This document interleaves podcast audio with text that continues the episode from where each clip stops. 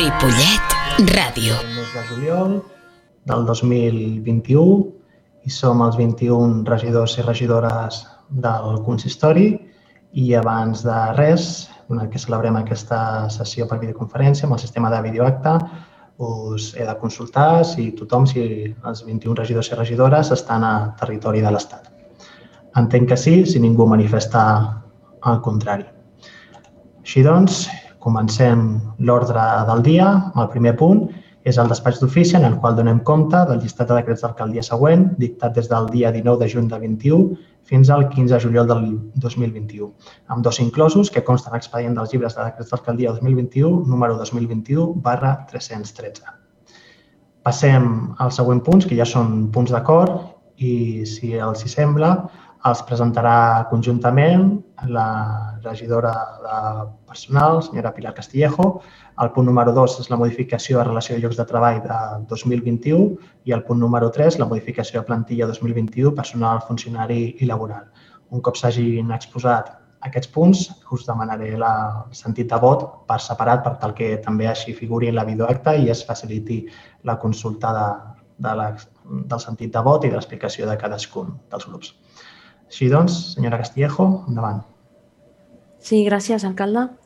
Uh, això, com molt bé ha dit, explicarem els dos punts perquè estan molt relacionats l'un amb l'altre. Tant la plantilla com la relació de llocs de treball són instruments que tenim per l'ordenació dels més de, del personal. Jo crec que són els dos més importants que tenim com a administració pública, però són eines que ens permeten estructurar l'ocupació pública per poder prestar correctament els serveis públics. Um, I aquí el que presentem és això, aquesta estructuració, jo crec que té tres, tres línies principals. La primera, bueno, per la jubilació de, de la Neus, de l'antiga interventora, que bueno, aprofito també per agrair des d'aquí la seva feina durant tants anys a, l'Ajuntament de Ripollet, els serveis prestats a, a aquest Ajuntament.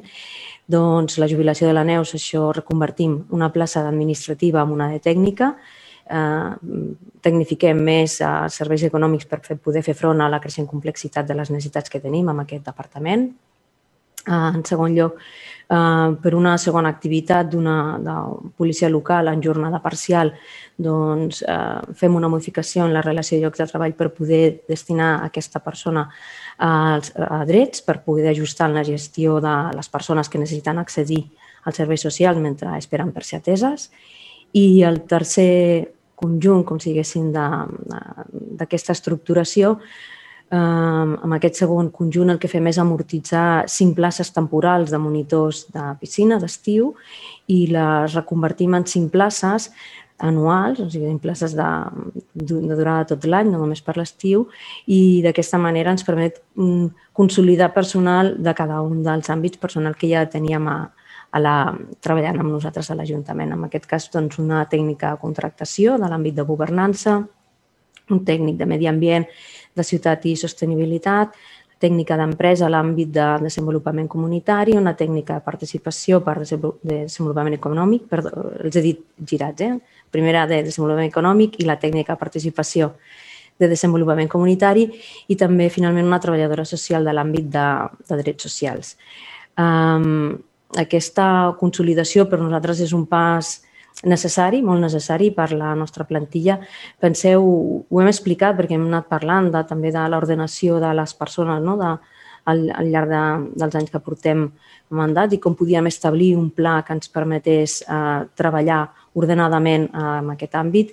Um, I i la, si, si valorem, per exemple, els, eh, els empleats públics que tenim a aquest Ajuntament i ho comparem amb altres ajuntaments, eh, la mitja de poblacions que, que tenen l'entorn de les nostres, no? entre 12.000 i 40.000 habitants, la mitja està entre 11-12 empleats públics de, de, de l'administració local per cada 1.000 habitants.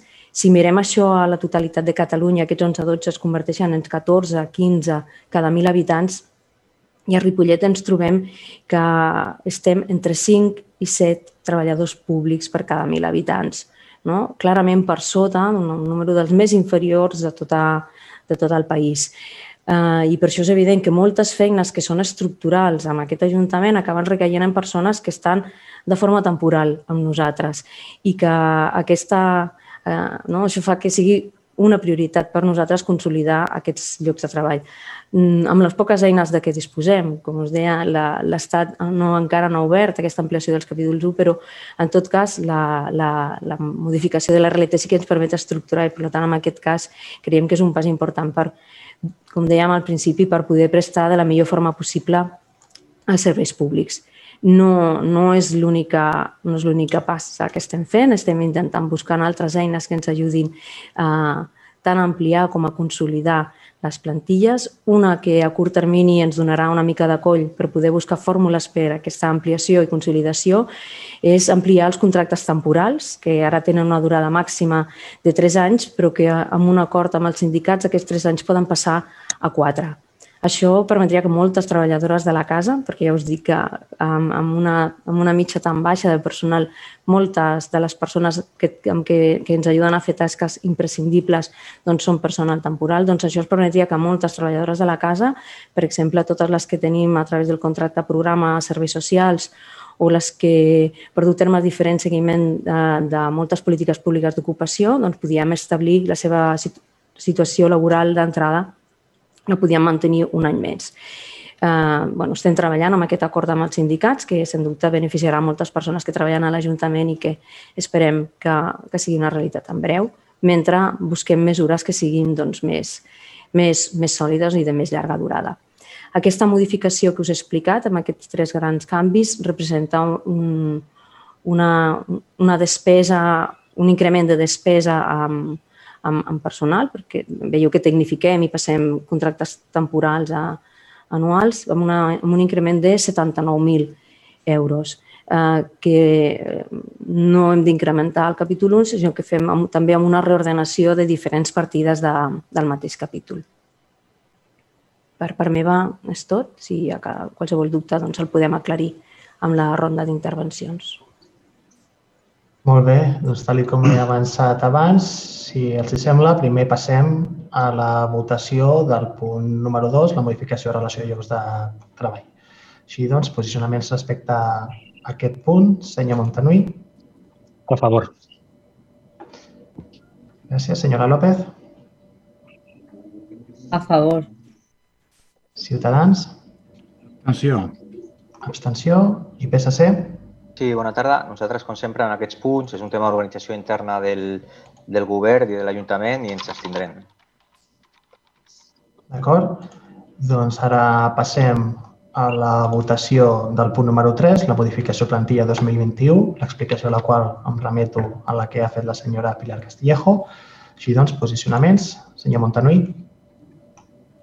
Gràcies, alcalde. Està clar que és eh, el que li traslladaré és el sí a recolzar l'increment de personal tècnic eh, per tot el que hem escoltat, si ha recolzar l'increment de recursos de, del nostre Ajuntament per les derivades eh, directes en el, en el benentès de que aquesta repercussió ha de, ha de, de venir d'una millor atenció cap als ciutadans. En tot cas, i en aquest segon punt, eh, també a favor. Gràcies. Gràcies. Som? Sí, a favor. A favor. Ciutadans? Abstenció. Abstenció. PSC? Abstenció. Abstenció. Molt bé, doncs els dos punts queden aprovats amb les abstencions de Ciutadans i PSC i el vot favorable a la resta. Passem al punt número 4, l'ordre del dia, que és l'aprovació del Pla Local d'Habitatge a Ripollet, període 2021-2026. En aquest cas, per tal que procedeixi l'exposició del punt, li cedeixo la paraula a la regidora de Serveis Socials i Habitatge, senyora Reyes Muñoz. Endavant. Hola, bona tarda a totes. Gràcies, alcalde. Doncs bé, a principis de, per contextualitzar una mica, al principis de l'any 2019, la part Ripollet-Cerdanyola va, va defensar al ple de Ripollet una moció amb una sèrie d'accions, una de les quals era l'elaboració d'un pla local d'habitatge i també una comissió de seguiment d'aquesta. Aquella moció va ser aprovada amb el grup favorable de tots els grups, excepte el PP, que es va abstenir en aquell moment. Doncs és a partir d'aquell moment que ens vam posar mans a l'obra i vam sol·licitar a la Diputació de Barcelona el servei d'acompanyament a l'elaboració d'aquest pla per així treballar conjuntament amb una empresa de professionals contractada per, per la pròpia Diputació. I bé, aquest és un pla transversal, no? amb, una, amb una mirada multidisciplinar i que han estat molts els departaments que hi han col·laborat des de l'àmbit de drets socials com el de ciutat i sostenibilitat. Habitatge, serveis socials, urbanisme, joventut i comunicació. Han estat les peces claus per, per crear aquest punt d'inflexió en les polítiques d'habitatge a Ripollet i és que mm, aquest és el primer local, eh, pla local del, del municipi.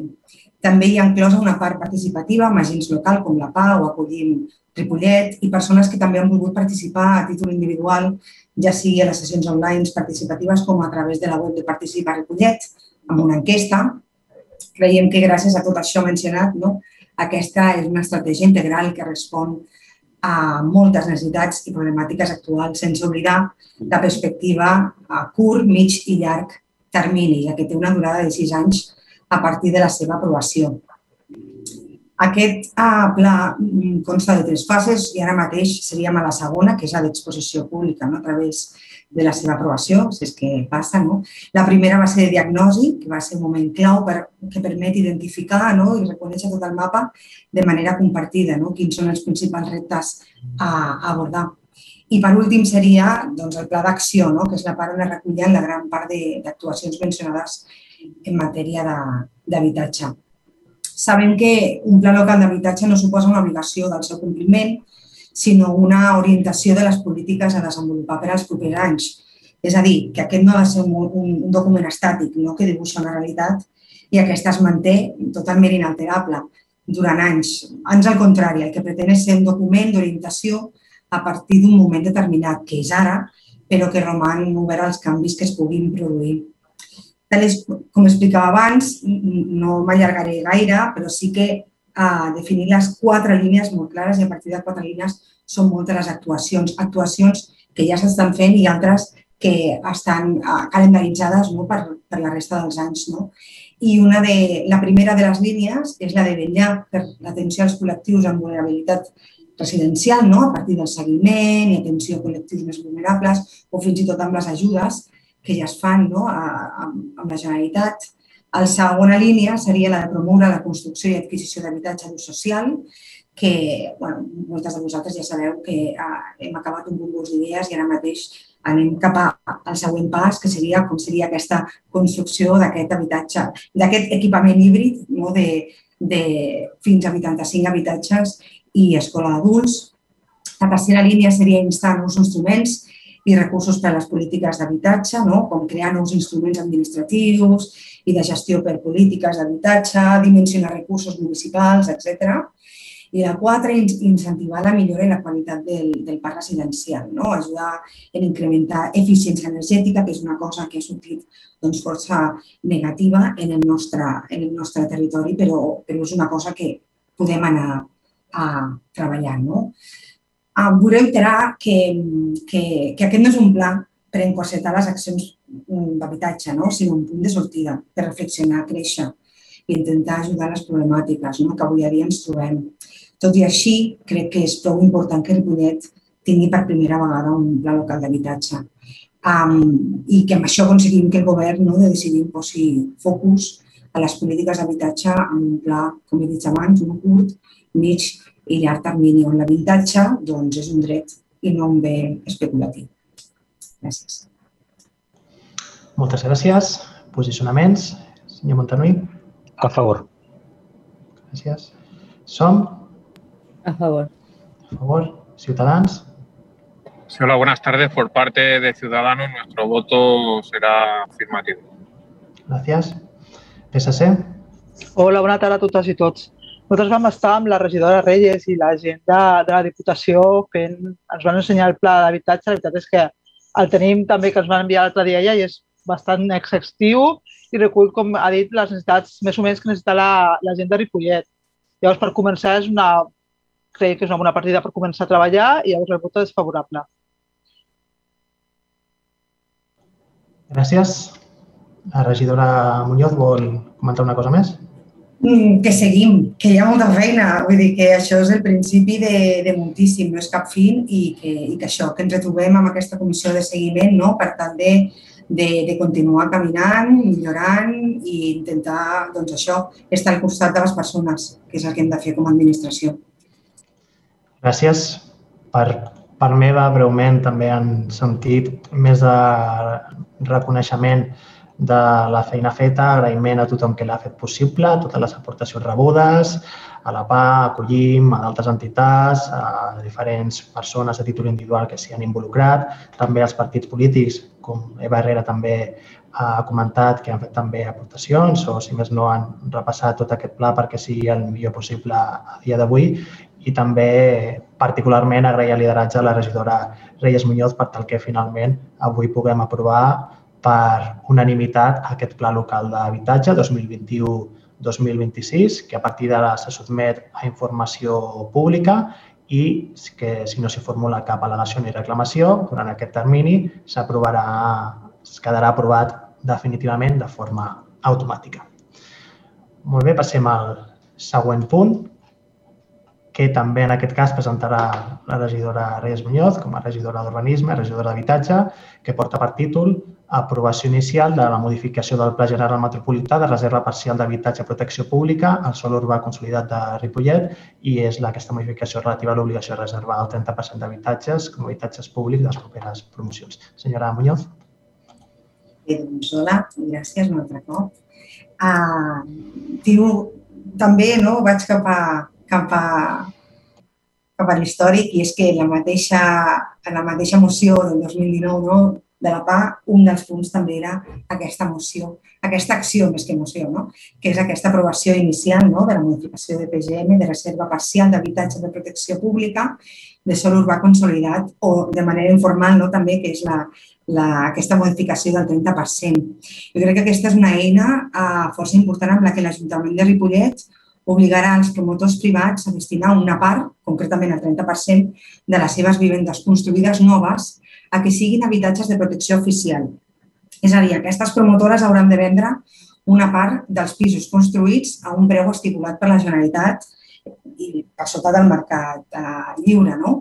Jo crec que és, considerem no? que, és una, que és una acció força, força contundent, que a més està també um, uh, um, calendaritzada al, al pla local d'habitatge, que anteriorment ja està mencionat i a més aprovat, que a més el pla local d'habitatge amb, tota, amb tota la informació, amb tota la, la diagnosi que ha sortit, ha, ha fet de justificació suficient com per tirar aquest tipus de política um, endavant. I moltes persones també es preguntaran no, que, que sent Ripollet tan petita, no? una ciutat tan petita i en tan poc marge no? de construcció, he de dir que un dels, uh, hi havia un estudi força important que dins del pla local d'habitatge, que era un estudi d'edificabilitat. De, de, doncs això sortia en afirmatiu, sortia en positiu. És a dir, a Ripollet, ara mateix, òbviament, estirant moltíssim, moltíssim no, les xifres, però podíem créixer fins i tot fins a 4.000 vivendes més i creiem que com a, com a govern havíem d'aprofitar no?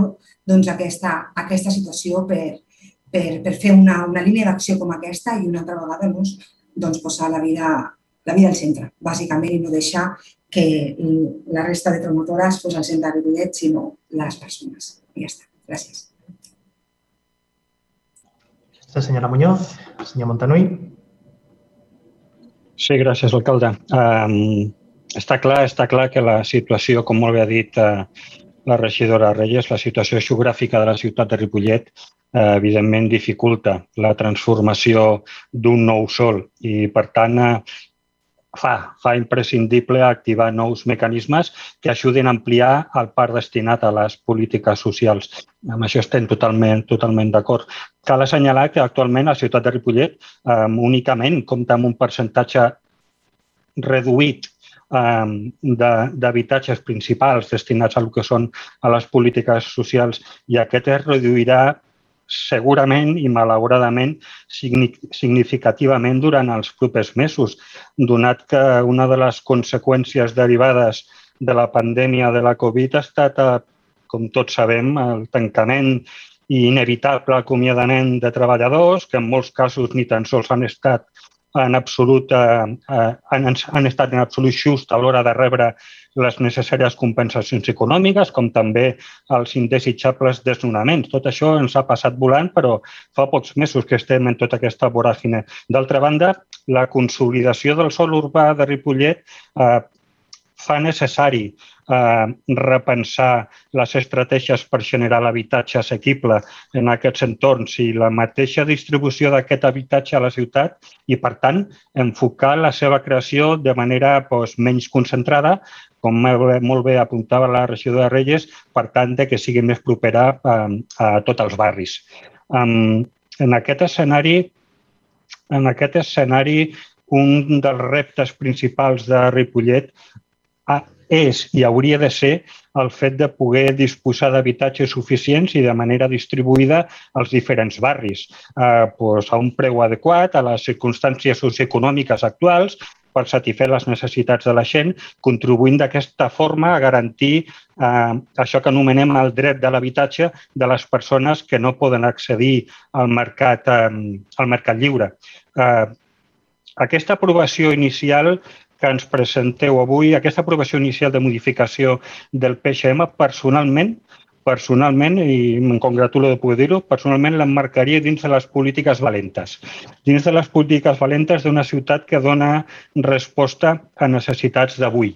Per tant, em congratulo al respecte. Eh, és evident que la mesura proposada en aquest document d'aprovació inicial és inevitable que canviarà, eh? canviarà el règim del sol urbà de les zones d'habitatge amb l'obligació de destinar pues, a habitatges a protecció pública determinades de, de determinades actuacions, a, actuacions edificatòries. No?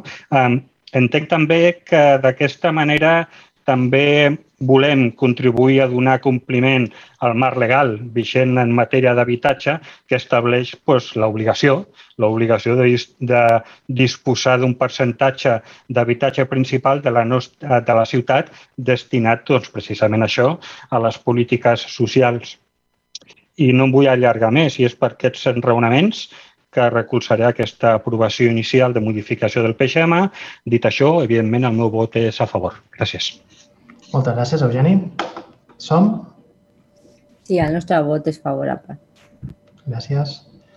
Ciutadans? Sí, hola. Eh, de nuevo, eh, por parte de Ciudadanos, el voto será favorable. Gràcies. PSC? El nostre vot serà a favor, també. Gràcies. Bé, senyora Muñoz, alguna cosa a comentar?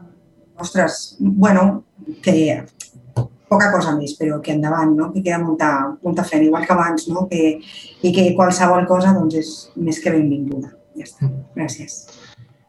Per part meva també afegir o insistir, posar l'accent en algunes coses, no?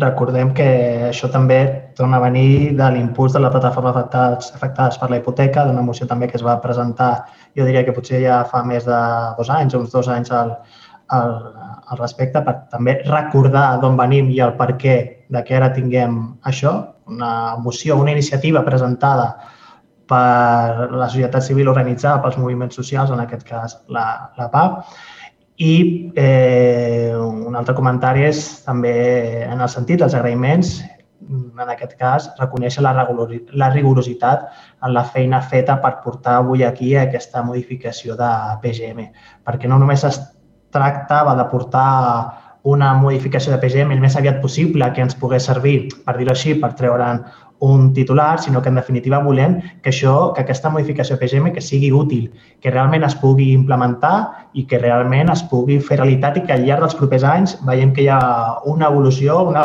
un impacte positiu d'aquesta modificació urbanística que avui tot just comença a, a caminar. I perquè això sigui així, no només requereix doncs, aquesta eh, suport conjunt de tot el consistori, no només es requereix aquell impuls dels moviments socials, sinó que també es necessita per fer-ho realitat una molt bona feina jurídica i urbanística que defensi aquesta necessitat d'aquesta modificació i que a més està també, com s'ha esmentat, recollida i reforçada pel pla local d'habitatge. Així doncs, queda aprovada de forma inicial aquesta modificació de PGM. Passem al següent punt, que és eh, el punt número 6, modificació de l'ordenança reguladora del preu públic per la prestació del servei de menjador escolar, la número 40.5. Com bé sabeu, s'està acabant de gestionar la nova licitació del servei de menjador escolar amb uns nous preus del tiquet del menú, tant a les escoles d'educació infantil i primària com a les escoles bressol. És una cosa que també es va comentar quan es va portar aquest ple i aquest tema aquí en el ple municipal. La nova licitació està prevista pel començament d'aquest curs escolar 21-22 i això vol dir que la modificació dels preus es preveu pel proper mes de setembre d'aquest any 2021, d'aquí molt poc. Aleshores, el que es tracta és d'aprovar provisionalment aquesta modificació de, de l'ordenança reguladora del preu públic, que passo a detallar breument. Per cada menú fix en escola pública passarà a ser 6 euros amb 33 cèntims, fins ara era 6 amb 20. Per cada menú esporàdic en escola pública passa a ser 6 amb 96, fins ara era 6 amb 80. Per cada menú en escoles bressol, 5 amb 40 sense incloure berenar i per cada berenar en escoles bressol, 25 cèntims. Fins ara era un preu de 6,88 euros eh, berenar inclòs. Per tant, veiem que són canvis molt petits. En alguns casos, com a les escoles, eh, s'incrementa alguns cèntims i al contrari pel que fa menús a les escoles bressol, doncs hi ha també una petita baixada d'aquest preu. I si s'aprova, se sotmet l'expedient a informació pública i audiència pel termini hàbil de 30 dies. Passem a Consideracions i votacions. Senyor Montanui. A favor. Gràcies. Som? A favor. Ciutadans? Hola, alcalde, a favor. Gràcies. PSC? Sí, nosaltres aquí, respecte al preu públic, votarem a favor, però sí que m'agradaria afegir un, un tema i és sobre la licitació del servei de menjador, del menjador a les escoles i que vull que tothom conegui i, i fer-lo públic. Miri, aquest, aquest servei se li, se li, li ha guanyat una empresa que es diu Urest, que és una empresa del grup Compass, grup multinacional britànic, eh, que ha expulsat del mercat laboral espanyol a 1.300 persones durant la pandèmia. I a Ripollet tenim una empresa que es diu Endermar, que dona feina a més de 1.000 treballadors, molts d'ells de Ripollet, l'empresa crec més gran que tenim a Ripollet, que ni tan sols s'ha presentat al concurs i jo he tingut l'oportunitat de parlar amb el seu gerent i per veure per què no s'ha presentat al concurs. I és que cap persona de l'Ajuntament eh, van poder parlar per veure com es podia fer un concurs eh, perquè es poguessin presentar, ja sé que els concursos són públics i tothom es pot presentar, però eh, no requeria els mínims de qualitat que perquè ells es poguessin presentar aquest concurs. I això és el que ens van manifestar. Que el servei no requeria els mínims de qualitat que sí que s'estan donant a altres municipis del nostre entorn, on sí que es presenten i on sí que el gestionen. Ha altres municipis de tota Espanya, per això tenen més de 1.000 treballadors, i a Ripollet això no s'ha fet i no s'ha tingut, igual que es parla amb moltes altres empreses d'altres sectors per, per, pels concursos públics, perquè es presentin i se'ls demanen, i les empreses ven i parlen amb els tècnics, amb els regidors, doncs amb aquest servei aquesta feina no s'ha fet. Almenys no s'ha fet amb l'única empresa de, de menjar de col·lectivitats que tenim a Ripollet, que és Endermar. I aleshores aquest concurs se li ha donat a una empresa, i això tothom ha de saber, que és Eurest, que ha fet fora a 1.300 persones durant la pandèmia a l'estat espanyol. Sí? Eh, res més a dir. Nosaltres votarem a favor del com no pot ser d'una altra manera, però la realitat que tenim és aquesta. Ens sembla molt greu que sigui una empresa com Eurest, que prima els beneficis empresarials per sobre de la qualitat del servei, la que hagi guanyat aquest concurs a Ripollet. Gràcies. Algun regidor o regidora vol fer un comentari respecte a aquestes consideracions del senyor Tirado? Sí, senyor Oriol Mor. Res, eh, per poder fer un treball educatiu i poder aprendre i de tots els procediments eh, nosaltres ho tenim molt clar, que hem d'aprendre perquè al final estem... Eh, el nostre municipalisme educatiu al final ens porta a gestionar serveis per les escoles perquè mm, podríem reivindicar també doncs, eh, i anar a la profunditat i la, i la política d'això, no? que és on recauen aquests, eh, eh, aquests serveis, que sempre són els ajuntaments, però sí que per aprendre d'aquest procediment mm,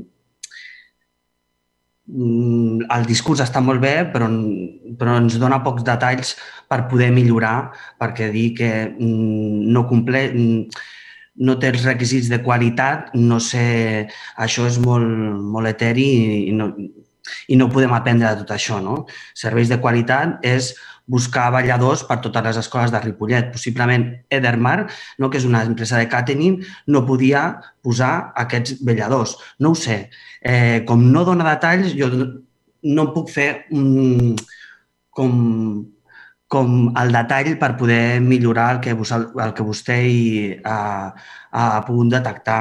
I en el sentit de, de la confecció d'aquest plec és que mm, nosaltres teníem clar quin era el servei que volíem donar i per això ha sigut el treball transversal entre els departaments, no en contactes amb altres empreses, és a dir, sinó la cerca de veure altres projectes també d'altres ajuntaments el que ens ha portat a fer aquest plec. Aquest plec al final està en, en aquest món educatiu capitalista, doncs l'hem d'assumir i esperem doncs, que aquest plec també ens ajudi. Tenim cinc anys per poder reestructurar i per poder canviar realment la base de tot això dels menjadors, que a poc a poc es nota perquè el, el que volem és millorar a la qualitat del servei, sobretot tenint en compte que ha de ser un espai educatiu, no un servei de catering. Gràcies. Sí, perdó, senyor alcalde. Puc eh, respondre? Sí, gràcies. Eh, Endermark pot posar monitors, igual que ho fa a moltíssimes escoles, altres municipis que no són Ripollet. Inclús pot posar, com m'han comentat, els coordinadors que viatgin amb patent elèctric per, per no contaminar, que això, per exemple, no estava al plec tècnic que, que es va posar a Ripollet i moltes altres millores que el plec de Ripollet no recollia. I que és veritat que s'ha d'aprendre i s'ha de treballar de cara al futur a fer-lo millor. La realitat és que ara mateix ho gestionarà Eures, abans ho gestionava CERS, ara ho gestionarà Eures i només dic que és una empresa supercapitalista, anglesa, amb fons de capital risc darrere, d'acord? Molt opaca, i això, això no és que jo ho digui jo, això ho diu la premsa, i que ha fet fora 1.300 persones durant la pandèmia a tot l'estat espanyol. I aquesta és la realitat que tenim. I aquesta és l'empresa que gestionarà els menjadors escolars a Ripollet. I ja està. I que tothom ho sàpigui. A partir d'aquí, nosaltres hem recursat el preu públic, era el que tocava votar avui, però aprofito per dir qui gestionarà els menjadors escolars de Ripollet, que no ens sembla el més adient, al igual que no em va semblar i no ens va semblar el PSC el més adient que fos Akbar qui gestionés la Casa Natura i després es va tornar a treure a concurs i eh, ho va tornar a guanyar l'entitat local que ho està gestionant actualment. I hem d'aprendre dels errors i considerem des del PSC que aquest concurs ha estat un error i ho diem clarament. A partir d'aquí, el preu públic és el que és, s'aprova, tot això. Però el concurs que es va fer per la licitació dels menjadors escoles a Ripollet ha sigut un, un error.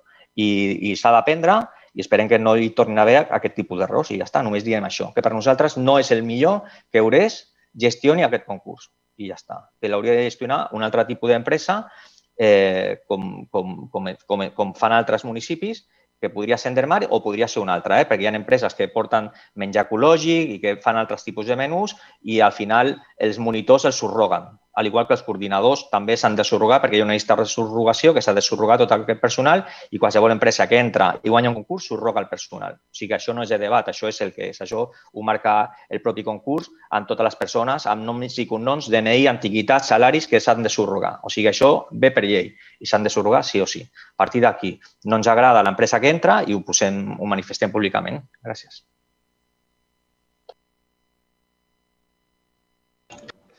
Senyor Tirado, jo lamento que vostè vulgui tornar amb aquest tema a afegir com certs dubtes sobre els procediments de contracte que aquí s'hi fan a, a l'Ajuntament.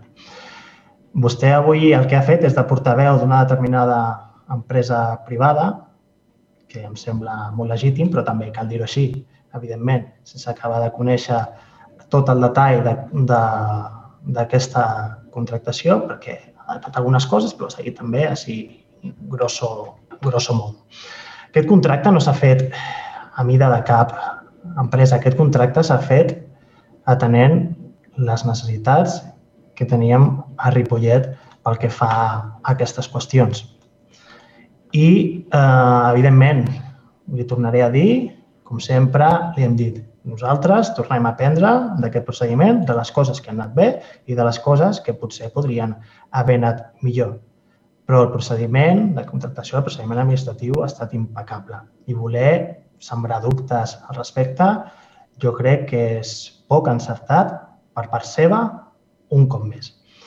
A més, ho diu també amb certes paraules, no? Se li ha donat. Se li ha donat a l'empresa que ha guanyat, a Eurest. Disculpa, aquí ningú li ha donat res a Eurest. Aquí hi ha hagut un, una licitació pública amb unes regles del joc de la llei de contractes del sector públic que no hem elaborat nosaltres, que si nosaltres poguéssim tenir incidència al respecte, doncs segurament seria una llei diferent. Evidentment, tampoc a nosaltres som els primers que no ens va fer gens de gràcia doncs, tenir aquesta referència d'aquesta notícia del més de miler de persones que es va fer fora en període de pandèmia. Però jo crec que aquí també, per això dic, que jo crec que hem de ser no, més prudents segons les afirmacions que vostè fa, perquè mm, jo crec que potser no s'ha d'anar de, del que ha dit o, o d'això que, que està fent. Eh, de fer de portaveu aquesta determinada empresa, com també insinuar que es faci un plec a mida de certes empreses, quan aquí més lluny de la realitat, aquí hi ha hagut un procediment de contractació impecable i en tot cas també subjecte a les normes vigents, que ens agradaran més o menys. A mi, particularment, i a nosaltres com a govern, hi ha coses de l'actual llei que tampoc ens acaben d'agradar, perquè no deixa de ser en aquesta lògica capitalista a la qual nosaltres no ens agrada, però també jo crec Mm, que vostè faria bé també, si no li agrada aquests resultats, que moltes vegades també a nosaltres tampoc, però és fruit de les regles del joc que no hem marcat o no totalment hem marcat nosaltres, que també en els espais que vostè, com a portaveu del seu partit, té al respecte, en aquest cas a nivell estatal, que també ho faci servir per fer arribar aquest malestar i que les determinades lleis que regulen tot plegat puguin tenir en compte d'altres qüestions. Sí, senyor alcalde, sisplau, només, sí, sí, un, només una cosa molt ràpid. Mirin, eh, vari, vari, dos coses, sobretot. Miri, jo no faig de portaveu de cap empresa. Jo només dic que a Ripollet tenim una empresa que es dedica a això i que no ha entrat al concurs, d'acord? Perquè, no, perquè el concurs, ells consideraven que no tenia la, la qualitat del concurs sí, que, que hauria de tenir per un municipi com Ripollet i per les escoles municipals de Ripollet. És el que m'han dit a mi, però jo no faig de portaveu. He dit que et podien haver presentat qualsevol de les altres empreses. Sí? O sigui, que no digui paraules que jo no he dit. No he fet portaveu de cap empresa. Ha dit el nom d'una empresa, correcte, que és l'única empresa a Ripollet que es dedica a això. Sí? A partir d'aquí, el tema de la llei de contractació pública és un tema estatal de llei de contractació pública, però el que sí que és i poden fer els municipis, i Ripollet ho pot fer, és fer un concurs, no a mida, sinó un concurs on hi hagin altres aspectes de qualitat del servei i altres aspectes com mobilitat elèctrica i moltes altres coses que podien haver incorporat i no s'han incorporat en aquest concurs. L'únic que dic és que intentem, per properes vegades, en aquest concurs i en d'altres, tenir altres paràmetres a part del econòmic, com són molts més temes de qualitat. Sí? I si fa falta crear una taula d'experts perquè el concurs Però... pesa més la part Perdó, Però què està dient? Senyora Castillejo, senyora Castillejo, no, senyora sí, Castillejo, no té la paraula. Si, si, em deixa, si em deixa acabar, Eh, L'únic que dic és que intentem tenir paràmetres de qualitat, perquè, eh, perquè al final entren empreses que el que van és a guanyar diners de forma desmesurada sí? i amb uns marges brutals, sí? com, com és el tema d'Eures, que després l'únic que volen és intentar guanyar aquests diners a costa dels treballadors i treballadores, fent fora la gent i ja veurem què passarà, i, i no vull dir més, sí? amb les persones que subrogaran, que esperem que no tinguin cap problema vale? amb el servei i que tot funcioni bé i vagi bé. I això ho veurem, ho veurem ràpidament. Els propers mesos ja es veurà la qualitat del servei, si és la dient o no és la dient, i l'únic que demano és a l'administració, només demano una cosa, que els concursos públics es fan com es fan. Per suposar que són legals i no vull crear cap mena de dubte de que no siguin legals els concursos públics que fan a l'Ajuntament de Ripollet, òbviament. Si això ve tot supervisat, més i més que supervisat per la intervenció i per la secretaria d'aquest Ajuntament. Per tant, per, per suposar que són legals però els concursos públics es poden redactar d'una manera o d'una altra manera, sí? donant més prioritat a uns, a, uns, a uns conceptes o donant prioritat a altres conceptes. Sí? L'únic que diem és que, sobretot, que, que s'intenti d'acord que el tema de la qualitat sigui predominant i no només i no la part econòmica, sinó que els concursos públics que es facin, d'acord, la qualitat sigui un, una, un, un dels vectors predominants, perquè és molt important i sobretot en l'alimentació dels nens i nenes. Sí? No, I aquí no vull fer demagogia amb això. Aquesta és la realitat que tenim. Sí? I, I ja està. No ens ha agradat que entri Eures i ho hem de manifestar i jo millor per manifestar-los al ple municipal. Per altra banda, dient que el ple, el punt del, del preu públic el bé, però en cap cas hem fet propaganda d'una empresa ni hem fet de portaveus d'aquesta empresa, ni nosaltres tenim potestat per canviar la llei de contractes públics, com moltes vegades l'alcalde fa, que nosaltres, que governem, que podem, que podem incidir. Vostès també poden incidir altres temes a la metropolitana, que estan allà, eh, i que parlen amb ells. Nosaltres no hi som a l'àrea metropolitana, sí que estan altres, altres polítics nostres, però nosaltres personalment no hi som. Abans sí que hi eren i sí que podien anar i parlar allà, però ara mateix cap representant del PSC hi és, per exemple. O sigui que al final cadascú té les responsabilitats que té i nosaltres sempre ho hem dit. El PSC de Ripollet treballa per Ripollet i estem a Ripollet. Nosaltres som persones que vivim a Ripollet, som polítics que només mirem per Ripollet i moltes vegades hem votat coses inclús en contra de la política nacional del nostre partit, i ho sap a favor de Ripollet i no mirant els interessos del PSC a nivell nacional, de Catalunya o de l'estat espanyol, sinó mirant només per Ripollet. I aquesta és la realitat. I vostè, si continua amb aquest tipus de discursos de que, de que parlem amb... Què vol, que parli amb Pedro Sánchez per canviar la llei? Però, és de broma, no? Suposo. O sigui, clar, és que al final diuen unes coses que, que, que, que estem a Ripollet i mirem per Ripollet. I en aquest cas, és el que estem dient, no ens agrada l'empresa que entra, ja veurem com funciona i l'únic que ha de fer l'administració local ara, i sí que li faig un prec aquí al regidor Mor, és que, que estiguin a sobre, que auditin el servei, que estiguin a sobre del servei perquè el servei el prestin de forma correcta i ja està. L'únic que demanem és això, que, que els serveis es auditin i que aquest servei estigui molt a sobre i ja està, que l'auditin, sobretot per, per, pel que ja saben d'aquesta empresa. Sí? I ja està, només això. Els demanem que l'auditin. A partir d'aquí, ja està. No, res més a afegir. Jo, per finalitzar el, el, el, el debat, senyor Tirado. Bueno, senyor Mor, vol afegir alguna cosa? S'ha parlat. Hombre, sí, que el pliego lo cogemos. Però és que, a veure, jo el que no puc permetre és eh, o sigui, que avui estiguem parlant d'un pliego de no sé què, no sé quanto, sigui, lo más fácil hubiera sido no nos ha gustado la empresa, punto. Pero no decir que este pliego ha tenido errores, no sé, no sé cuánto.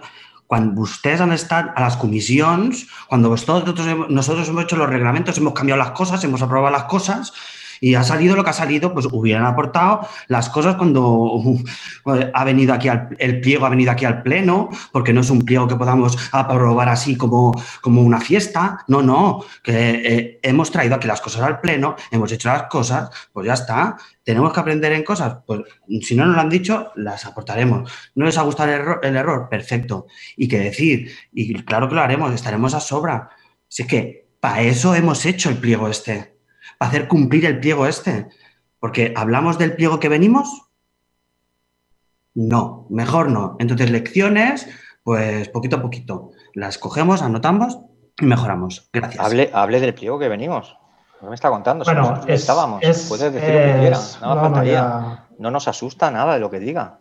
No senyor... Faltaria. Bé, jo reiterar, jo crec que, senyor Tirado, jo crec que abans de fer segons quines afirmacions que ha fet, jo crec que ha demostrat força desconeixement del procediment i dels plecs mateixos, en els quals hi ha criteris qualitatius, insisteixo en això últim que portava el regidor Oriol Mort, que es va treballar amb els reglaments, en les comissions en les quals el vostre grup hi va participar, que és un ple que va passar per aquest ple i que va tenir, si no m'equivoco, el, el seu vot favorable i que ara que hi ha aquest resultat que no els agrada, que diguin que tot fins ara no ha funcionat sense fer una, mica, una mica de també de, o més prudència a l'hora de fer segons quines afirmacions, jo crec que és molt fort. Ja entenc que vostès no tenen influència directament en Pedro Sánchez, ja m'agradaria ja, però si més no, en aquest sentit de certa prudència, de certa humilitat, que sempre va bé d'acceptar els límits en certs i errors de cadascú, doncs no estaria malament. Molt bé, doncs estàvem parlant en tot cas de la modificació d'aquesta ordenança fiscal que queda aprovada per unanimitat. Eh, passem ara, tal com es va avançar per correu electrònic i com també s'ha acordat a Junta de Portaveus, passem per urgència a un punt que caldrà aprovar també aquesta inclusió com a punt d'urgència, que és relatiu a l'aprovació de preuament per expropiació per Ministeri de Llei de la finca situada al carrer Verge de Montserrat, número 78 de Ripollet. La urgència deriva de la notificació que ens va fer arribar el 16 de juliol al jurat d'expropiació, en el qual se'ns emplaça a donar resposta en 15 dies hàbils per l'obra competent, que en aquest cas és el ple municipal, aprovant la valoració que fem com a Ajuntament d'aquesta finca. Si us sembla, passem a votar la urgència i acte seguit, si s'accepta la urgència, passo a comentar algun detall més de, del contingut del, del punt. Votem la urgència, senyor Montanui. A favor de la urgència. Eh, som? A favor. Ciutadans? A favor. PSC? A favor. Doncs queda mm, vista i aprovada la urgència. Eh, aquest punt, per una mica contextualitzar-ho, eh, recordem que nosaltres a nivell urbanístic, Ripollet, estem dins de l'ordenació del Pla General Metropolità, un Pla General Metropolità del 1975, que entre d'altres el que va fer repartir certes zones eh, verdes o que poden arribar a ser zones verdes entre els diversos municipis de l'àrea metropolitana. Aquestes zones verdes no sempre coincideixen amb espais que materialment ho siguin, no? I, i aquest és un dels casos. El planejament, concretament, el planejament vigent actualment, concretament cataloga aquesta finca de Besa Montserrat com a zona de renovació urbana en transformació de l'ús a sistema de parcs i jardins, amb la clau 16.6, però prèviament i fins ara, de fet, existeix una nau industrial per tothom coneguda, ja que estem parlant de la finca situada just davant de les oficines d'ocupació. Per tant, aquí el que contempla la llei urbanística és que els privats amb zones verdes a les quals no poden treure un rendiment econòmic tenen dret a reclamar al consistori que els expropiï com a compensació d'aquest ús limitat que poden fer donat d'aquest fet que estan eh, inclosos, catalogades com a zona verda. Les lleis urbanístiques, com deia, ens obliguen a atendre aquestes expropiacions. Per tant, aquí el que tenim és que el propietari, en un moment determinat, va presentar la seva proposta de preu d'expropiació d'aquesta finca i ara el que toca és que l'Ajuntament en aquest punt presentem la nostra valoració, que la farà arribar al jurat d'expropiació, que serà finalment qui acabarà situant el preu de l'esmentada expropiació. Eh, és una situació que, com deia, doncs, el Pla General Metropolità i les lleis urbanístiques doncs, ens han fet eh, arribar i és una de les situacions que tenim aquí a Ripollet eh, on estem obligats a atendre en un moment o altre. En definitiva, el punt que es porta, els punts d'acord, diuen el següent, aprovar el full de preuament elaborat per la tècnica senyora Elisabet Prat per encàrrec municipal en referència a la finca situada al carrer Verge Montserrat 78 de Ripollet per un import d'1.123.000 euros 515 cèntims. Valoració que ha estat informada favorablement per part de l'arquitecte superior municipal i que ha subscrit íntegrament. I iniciar les actuacions necessàries per dur a terme la provisió de fons per fer front a la despesa que comporti en el moment escaient i es notifica al jurat d'expropiació de Catalunya. Posicionaments? Senyor Montanui? A favor. Senyora López? A favor. Ciutadans? A favor. PSC? A favor. Molt bé. Doncs queda per unanimitat aprovat aquest punt. No hi ha més punts a l'ordre del dia. Passem ara a, les, bueno, passem a la part de mocions, que en aquest cas hi ha una única, presentada en temps i forma pel grup del PSC, a la qual, corregiu-me si m'equivoco, també s'ha el grup de Ciutadans també s'hi ha sumat com a grup proposant. En tot cas, és una moció que porta per títol Moció per l'eliminació del cablejat de les façanes dels edificis i el soterrament del cablejat aeri. Qui la presentarà del PSC? Jo. Endavant. Passo a llegir-la, sí. Hola, bona tarda. Moció per l'eliminació del cablejat de les façanes dels edificis i el soterrament del cablejat aeri. Atès que en diferents barris de la nostra ciutat podem comprovar que bona part de les línies elèctriques i de telèfon no es troben soterrades, sinó que penyen de les façanes, atès que la majoria de façanes de la nostra ciutat es troben carregades de cables i capses de connexions que sovint estan mal col·locades o mig penjant. Atès que en molts casos el cablejat es troba en mal estat, essent un perill pels veïns i veïnes. Atès que aquesta situació es, està enlleixint les nostres parets dels edificis dels nostres carrers. Atès que el cablejat també es pot trobar en diferents edificis històrics tenint un greu impacte sobre el patrimoni arquitectònic de la ciutat, Davant aquesta realitat, l'Ajuntament de Ripollet ha d'actuar i posar fre a aquesta situació, ja que les companyies subministradores no fan aquest treball per iniciativa pròpia. Atès que la supressió del cablejat aeri i la supressió de la majoria de cables que penyen de les façanes dels edificis ha de ser una prioritat de l'Ajuntament per millorar el passatge urbà. Atès que cal posar en marxa iniciatives municipals com treballar per fer possible un conveni efectiu entre l'Ajuntament de Ripollet i totes les companyies elèctriques i de telecomunicacions que operen a la ciutat, que tinguin com a objectiu l'eliminació del cablejat aeri i de les, façan de les façanes a la nostra ciutat i establir un calendari de soterrament del cablejat aprofitant les obres de millora que es realitzin als carrers i espais públics. El ple de, de l'Ajuntament de Ripollet, a proposta del grup municipal socialista, acorda, bueno, i conjuntament amb Ciutadans, primer, instar a l'equip de govern de la ciutat a impulsar un pla i un conveni amb totes les companyies elèctriques i de telecomunicacions que operen a la ciutat amb l'objectiu d'eliminar el cablejat aeri i el soterrament del cablejat. Segon, crear una partida al pressupost municipal amb l'objectiu de forçar a les companyies a negociar amb l'Ajuntament. Tercer, que aquest conveni estableixi un calendari d'actuacions per eliminar la totalitat del cablejat aeri prioritzant les zones més conflictives. I quart, traslladar aquest acord a les empreses de telecomunicacions i elèctriques que operen a la nostra ciutat i a les associacions de veïns i veïnes. Moltes gràcies. Gràcies. Obrim posicionaments. Senyor Montanui. A favor. A favor. Som? A favor. A favor. Ciutadans? Sí, des de Ciutadans, evidentment, estarem a favor, perquè som un dels proposants juntament amb el PSC, i volíem deixar clar tres qüestions. Primera, és una moció que eh, ja l'havíem presentat la legislatura passada i malgrat això doncs, no s'havia pogut fer res i per això hem demanat que es pogués incorporar aquest punt de dotar una partida pressupostària oberta, malgrat sigui un euro, per deixar palesa la voluntat de l'Ajuntament. Està clar, segon punt, ho han de pagar les empreses. Ho tenim claríssim, que són les empreses que han de fer aquesta despesa. Però pensem que el que no té suport pressupostari en el món administratiu i corporatiu no existeix. Per tant, agraïm aquest afegit que el PSC ha tingut a bé de portar i, evidentment, la votem a favor.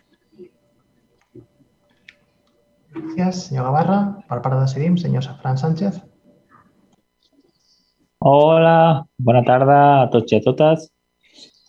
Bé, fa un temps, derivat d'una moció plenària, a través d'un pla d'ocupació, es va fer un estudi sobre l'impacte en l'accessibilitat dels parcs de suport de Cablellat. Un cop fet eh, aquest estudi, es va contactar amb personal d'Endesa i no existeix normativa referent al soterrament de línies, ja que soterrar té avantatges i inconvenients respecte al clarellat aeri. Existeixen municipis que disposen d'ordenances que obliguen al soterrament en xarxa nova, però Endesa no paga mai. Acaba pagant el promotor o el veí que demana la nova escomesa. Pel que fa a les línies de façana, la situació és la mateixa. El soterrament només es pot produir pagant el privat en xarxa nova o l'Ajuntament en obres d'urbanització. Si estem fora d'aquests dos supòsits, només se soterrarà si demana ingerència a l'Ajuntament. Recentment, la Generalitat de Catalunya ha aprovat una guia per ordenar cablellat de fibra òptica en façana, ja que no és obligatori en cap cas retractiu als xarxes existents. No obstant, la Generalitat hauria d'obligar les companyies elèctriques a soterrar aquestes línies i no sé l'Ajuntament qui hagi d'assumir aquest cost. Eh, la moció la votarem a favor. Molt bé. Per part del grup proposant, algun comentari més? No, res, moltes gràcies a tothom per votar favorablement i esperem que la Generalitat també pugui aportar el seu pressupost per poder soterrar la, totes les línies. Gràcies. Perfecte, doncs queda aprovada per unanimitat aquesta moció. Ara ja passem al punt de pregs i preguntes. Com sempre, obrim torn d'intervencions. Senyor Montanui. No, alcalde, gràcies. Per part de SOM, senyora López. Cap intervenció, gràcies. Ciutadans. Si el senyor Tapi en té alguna o la senyora Caridad, jo no en tinc cap. Sí, eh, buenas, buenas tardes, buenas noches de nuevo.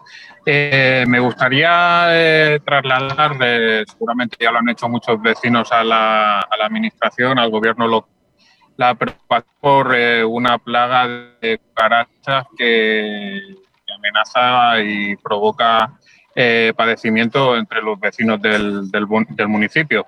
Me gustaría preguntarles si ustedes eh, han recibido esas críticas, que doy por hecho que sí, y qué medidas han tomado. Eh, luego, por otro lado, también que quisiera comentarles que en nuestro municipio muchas de las bandas sonoras que la calzada han sido de alguna manera boicoteadas o tal vez por el mal estado en el que se encuentren, en el, que se encuentran, pues muchas de ellas han dejado de ser útiles y no solo eso, sino que también amenazan a la conducción de, de los vecinos y vecinas del municipio.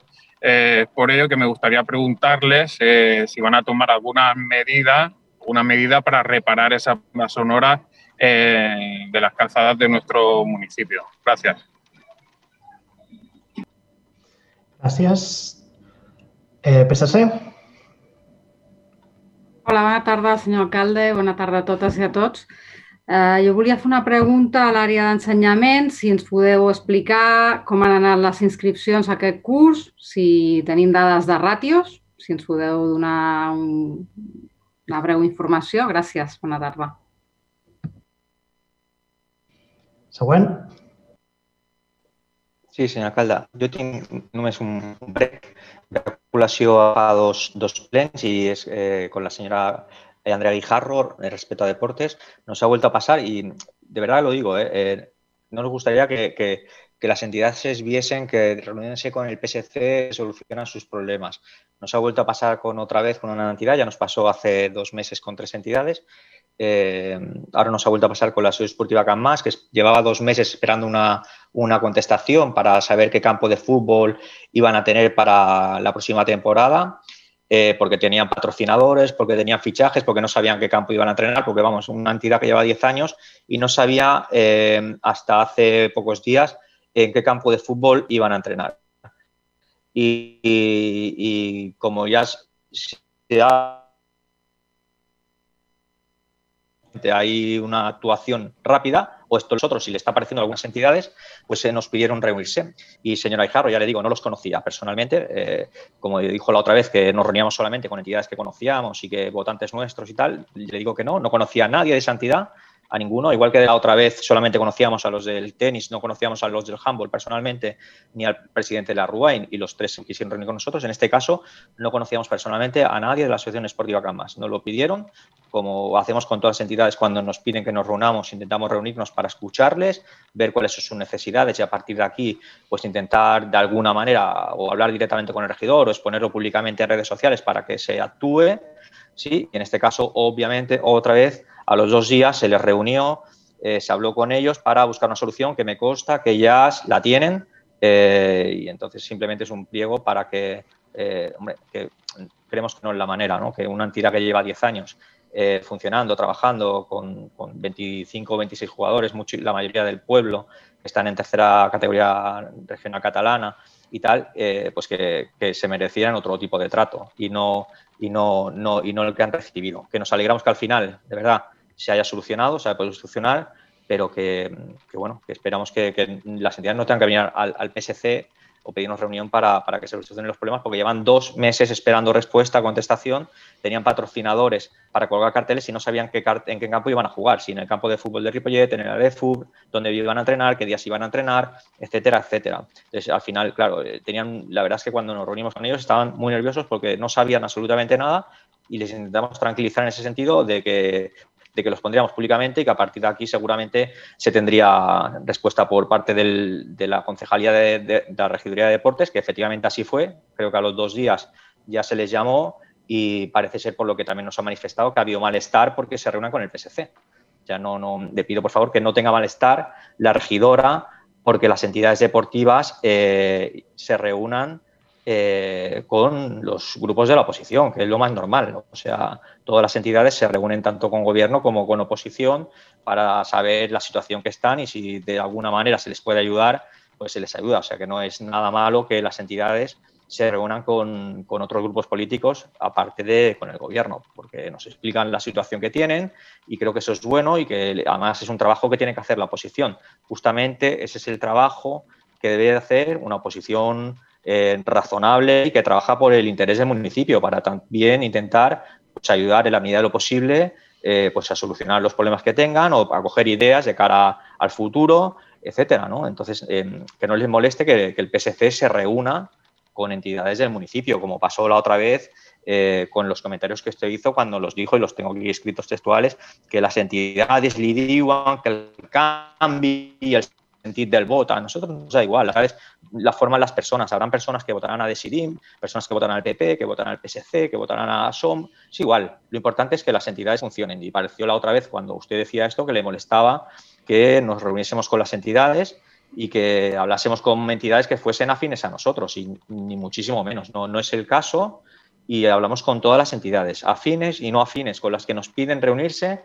Con el PSC nosotros nos reunimos con todas encantados para conocer su problemática, su situación. O sea, les pido por favor que, que no, que no le moleste esto y, y en el caso del CAMAS darle las gracias por haber solucionado el problema tan rápidamente una vez ya habían hablado con nosotros después de dos meses que estaban esperando. Pero les repito las gracias por haberles podido solucionar el, el problema porque están muy nerviosos con la situación que tenían, que no sabían dónde iban a empezar a jugar. Gracias. Gràcies.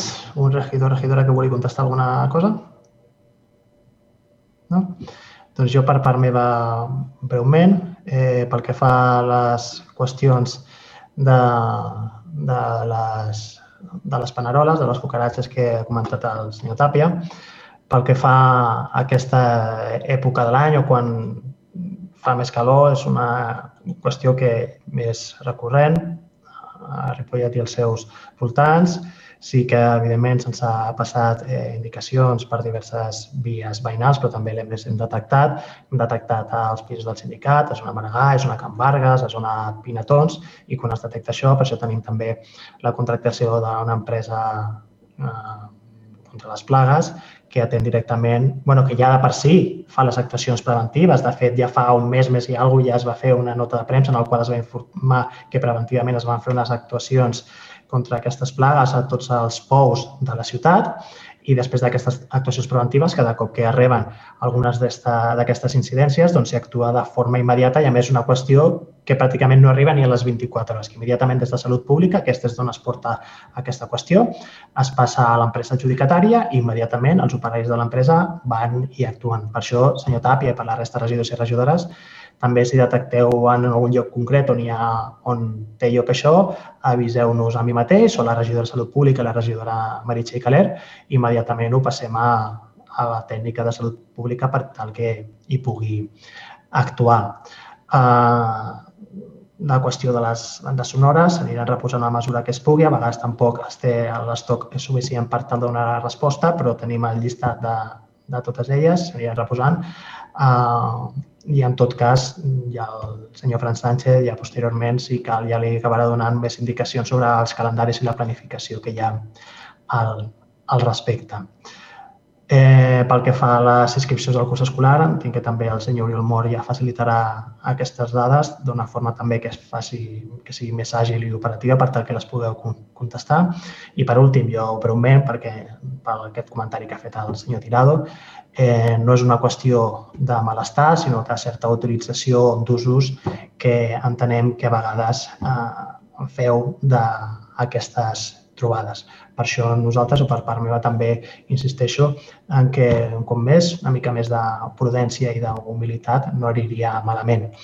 En tot cas, la regidora va ser força clara. Nosaltres el que en, en cap cas no farem servir mai a les entitats com a element de confrontació o com a eina o com a arma llancívola entre els partits. Nosaltres no hi hem entrat mai i no hi entrarem al, al respecte. En aquest cas concret, més enllà d'aquesta qüestió de les reunions o no reunions o de quan s'ha parlat, parlat. També jo d'aquest tema vaig poder parlar amb la regidora eh, d'Esports. Bueno, de fet, va ser ella també qui em va informar sobre la situació. Era una qüestió que no només depenia de la voluntat de l'Ajuntament, sinó que també que s'acabessin de posar d'acord les diverses entitats esportives, en aquest cas de futbol, que fan ús de les diverses eh, dels diversos equipaments esportius i abans l'Ajuntament i abans que l'Ajuntament féssim un ordeno i mando a dir això es faci això, estàvem treballant eh, i promovent que hi hagués un acord entre totes aquelles entitats, entenent que igualment durant la primera quinzena del mes de juliol això havia d'estar resolt. És a dir, ja formava part també del mateix calendari d'aquesta eh, qüestió, que això hauria d'estar resolt abans d'agost, com així ha estat perquè si es va arribar a, un acord entre les entitats esportives, entre el mateix Ajuntament, i es va resoldre d'aquesta manera. Molt bé, doncs no hi ha més eh, qüestions. I, és, posem, com és el ple ordinari del mes de juliol, que l'habitual un cop més és que s'hagi avançat. Esperem que pugueu tenir un bon estiu, que descanseu, que us cuideu molt, que us protegiu també d'aquesta situació pandèmica que no marxa i també relacionat amb això recordar que d'aquí un mes i escaig tenim programada la nostra festa major que esperem poder-la celebrar de la forma que sigui possible i que tornem a reiterar des d'aquí que adaptarem el que calgui a la situació epidemiològica i les normatives i les indicacions de les autoritats sanitàries que existeixin en el moment. I és que, de fet, i per això també vull fer aquest incís, no? aprofitant aquest espai del ple. Avui mateix, com bé sabeu, s'ha anunciat que sembla que les restriccions d'oci nocturn de finalització a les a dos quarts d'una, la limitació de trobades socials al màxim de 10 persones es mantindran durant tot l'estiu. Podria ser que també fos el cas del, del toc de queda. Això, evidentment, pot arribar a tenir un, un impacte en la previsió del programa de festa major, però en tot cas també entra dins d'allò que podia ser, que, és, que era previsible i que la mateixa comissió i totes les entitats doncs, també hi estem treballant perquè es pugui adaptar, però sempre amb aquestes eh, consideracions de, de prudència i que anirem atenent aquesta evolució de les properes setmanes, però en tot cas esperem retrobar-nos d'una forma o altra eh, bona salut presencialment durant festa major. Així doncs, moltíssimes gràcies i que tingueu un molt bon estiu. Fins aviat. Adéu. Adéu.